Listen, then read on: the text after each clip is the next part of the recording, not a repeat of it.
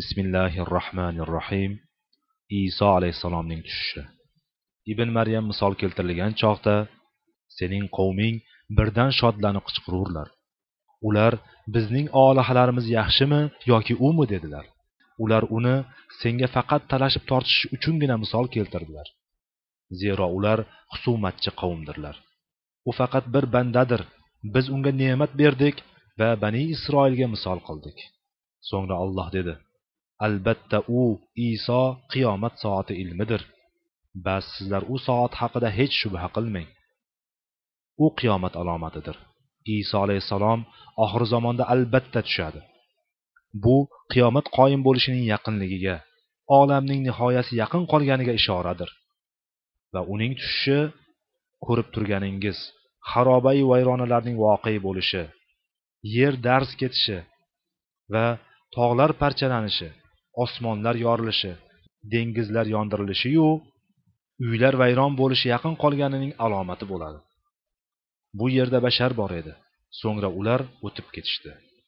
Ulardan nom nishon qolmadi. Sur chalindiyu osmonlar va yerdagi bor jonzot o'ldi va rabbing xohlaganini yaratib xohlaganini ixtiyor qilur qiyomatning undan oldin yuz beradigan alomatlari bor. Jumladan iso ibn maryam alayhissalomning nuzuli. Alloh taolo uni payg'ambarlar orasidan oxir zamonda tushib o'zining hujjatini bani isroil ustida qoyim qilish uchun tanlab oldi. Iso allohning o'g'li emas balki uning bandalaridan bir banda nabiy mukarram mursaldir. Uning olloh huzurida yuksak maqomi bor. Iso alayhissalomga alloh taolo injilda ummatimizni misol keltirdi. Ularning injildagi misollari esa xuddi shoxlar chiqarib quvvatga kirgach yo'g'onlashib poyasida tik turgan dehqonlarni lol qoldiradigan bir o'simlikka o'xshaydi. Bu misol kofirlarning g'azabini qo'zish uchundir. Iso alayhissalom bu oyatni o'qidi. U injildagi bu vasfni o'qib ushbu ummatga hayron qoldi va o'sha ummatdan bo'lishni orzu qildi va alloh taolo unga o'shani berdi. Va iso alayhissalomni oxir zamonda uning maqtovi va madhini o'qigan ushbu ummatga tushadigan qildi. Iso alayhissalom o'ta qiyin vaziyatda tushadi. Payg'ambar alayhissalotu vassalom dedilar baytul maqdisning obod bo'lib madinaning xarob bo'lishi yoki yasribning xarob bo'lishi. Yasribning xarob bo'lishi malhamaning chiqishi demakdir dedilar. Malhama musulmonlar va nasroniylar orasida yuz beradigan urush bo'lib unda musulmonlarning qo'mondoni muhammad ibn abdulloh ibn al hasaniy al alaviy al mahdiy bo'ladi. Keyin nabiy alayhissalotu vassalom dedilar malhamaning chiqishi qustantiniyaning fathi va qustantiniyaning fathi dajjolning chiqishi demakdir dedilar. Dajjol chiqishi bilan hamma joylardagi odamlar undan qochadi. Ulardan dajjolga ergashganlar ham bo'ladi. Mo'minlar tog'da qurshovda qoladilar. Dajjol esa tog' bag'rida bo'ladi.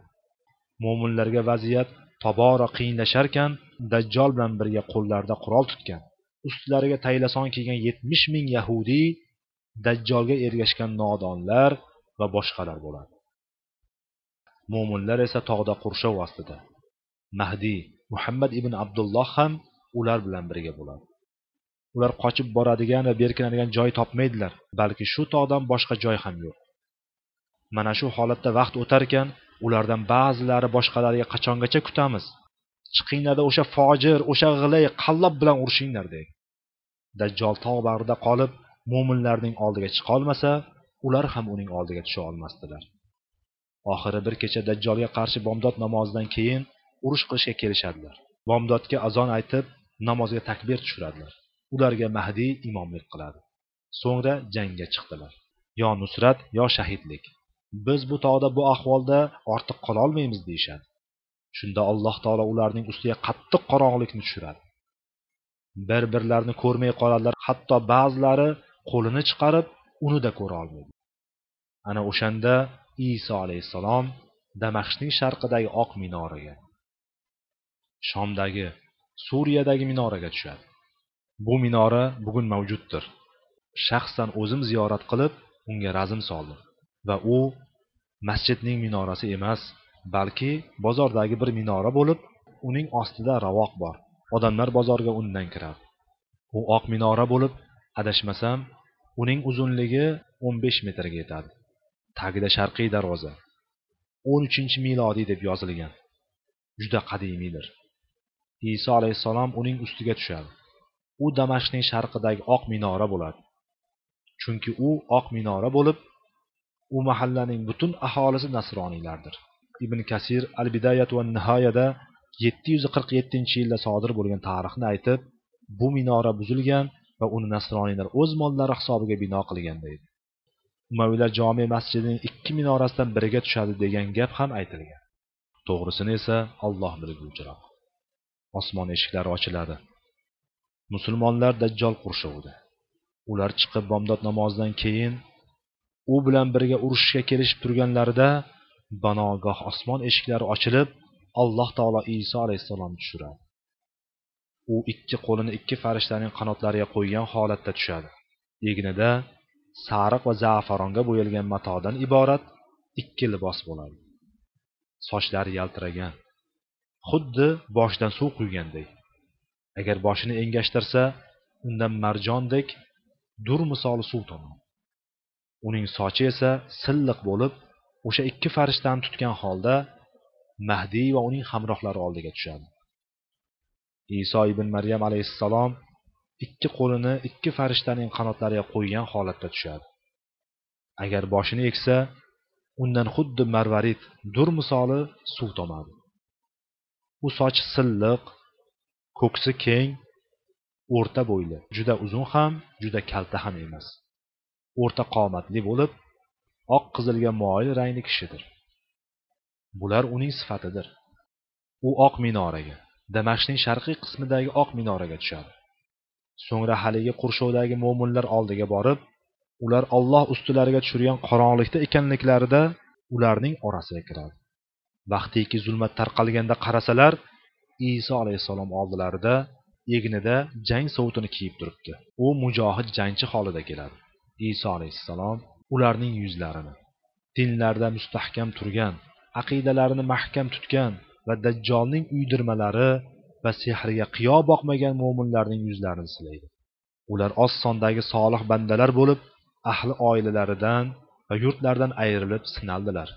Ular mana shunday ahvolda ekanlar iso alayhissalom kelib solih qavmning yuzlariga qarab ularning yuzlarini silay boshlaydi. Yuzlarini silaydi. Va yuzlarini silab ularning jannatdagi darajalarini aytib beradi. Jannatdagi darajalarini aytib beradi. Dajjol esa tog' bag'rida mo'minlarni o'ldirish paydadir. Iso ibn maryam mo'minlarga uch narsa o'rtasida alloh taolo dajjolga bir qo'shin jo'natib uni o'ldirishi alloh dajjolni yerga yuttirishi va alloh dajjol va uning to'dasining qurollarini musulmonlardan to'sib qo'yib musulmonlarning qurollarini esa mustahkam bo'lishi o'rtasida ixtiyor beradi. Shunda musulmonlar isoga ey ruhulloh uchinchisi bizga suyukli va qalbimizni oromlantiruvchirog'i ekan deyishadi. U ahlimizdan bir qismini o'ldirib ularni tang ahvolga soldi va ularni fitnalantirdi. Uchinchisi bizga suyukli va qalbimizni oromlantiruvchirog'idir ana u yetmish ming egnlarida taylason bo'lgan isfahon yahudiylari bizni siqib qo'ydi va ko'pchiligimizni o'ldirdi. Duo qiling dinimizga va ahli oilamizga himoyachi bo'laylik deyishadi. Keyin iso ibn maryam tushadi va alloh taolo dajjolning qo'shini qalbiga qo'rquvni soladi. Payg'ambar alayhissalotu vassalom aytadilar hatto sen mechkay basavlat bir yahudiyning qilich tutgan qo'lini qaltiraganini ko'rasan. U qilichni ko'tarishgada jur'at qila olmaydi. Mo'minlar kelib uni o'ldiradilar. Dajjol iso alayhissalomni ko'rgan zahoti qochib falastinning lud darvozasiga yetib boradi. Iso alayhissalom uning ortidan boradi. Dajjol qochadi. Mo'minlar iso bilan birga. Dajjol isoga yuzma yuz kelmaydiya undan qochadi.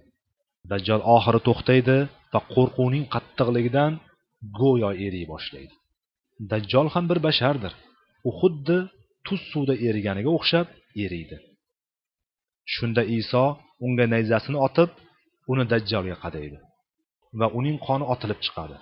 Lut darvozasi oldida u yerga qulaydi iso unga yaqinlashib nayzasini sug'uradi va uni yuqoriga ko'taradi. Shunda undan qon oqib turadi. Uni musulmonlarga ko'rsatadi. Ularga qonni ko'rsatadi. Dajjolni haqiqatan o'ldirganini bildirish uchun ko'rsatadi. Iso alayhissalom muborak inson ulug' payg'ambardir. Uning nafasi yetgan kofir albatta o'ladi. Nabiy alayhissalotu vassalom aytadilar uning nafasi nazari yetgan joygacha yetadi.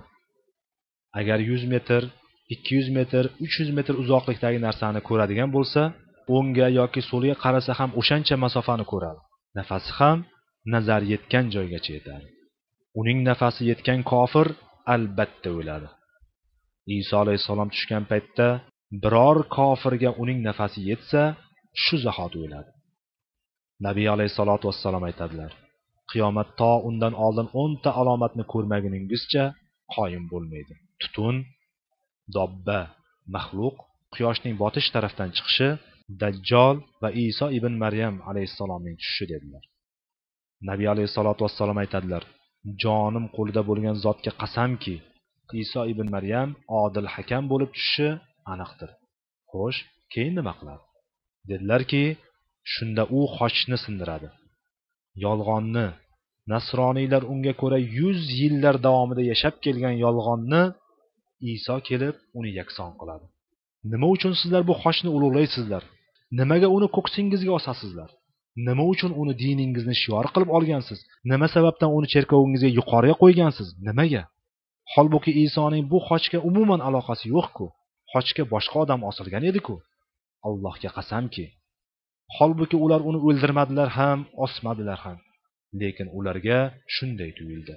Uni o'ldirmaganlari aniq balki uni olloh o'z huzuriga ko'targandir. Iso kelib xochni sindiradi.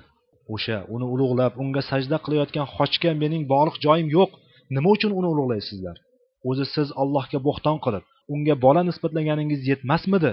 Endi esa xochni ulug'layapsiz. U xochni sindiradi. Shunda uning qiymati qolmaydi va cho'chqani o'ldiradi. Holbuki aslida cho'chqa nasroniylik dinida haromdir. Yahudiylar dinida ham haromdir.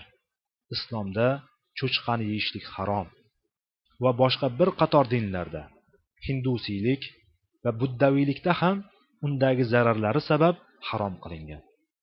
Iso alayhissalom cho'chqani yeyishga ruxsat bermaydi.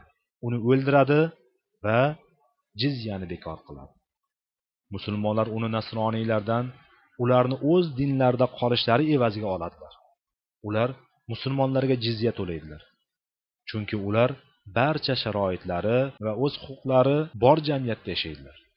Shu sabab ular xuddi musulmonlardan qodir bo'lganlari zakot chiqarganlaridek jizya to'laydilar. Musulmonlarning boylaridan olinib kambag'allarga berilganidek qodir nasroniy ham jizya beradi. U zakot bermaydi chunki musulmon emas lekin jizya beradi.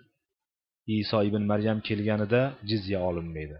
Islomdan boshqasi ham qabul qilinmaydi.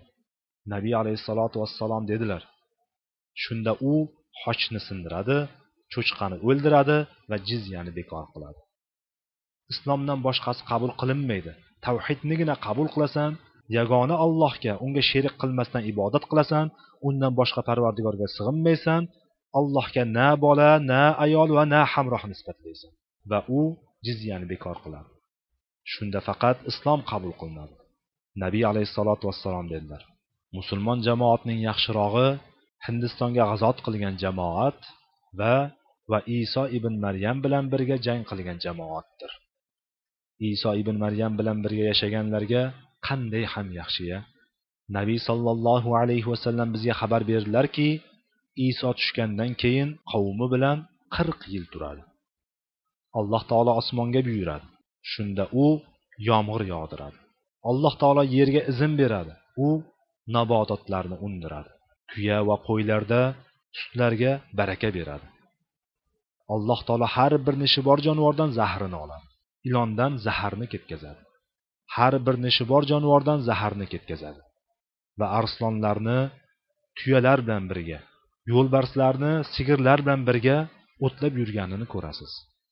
O'zaro hasad qilish yovlashish bir birini yomon ko'rish iso alayhissalom kunlarida bo'lmaydi. U qirq yil turadi. So'ngra alloh taolo uni vafot ettiradi. Va musulmonlar unga janoza o'qiydilar.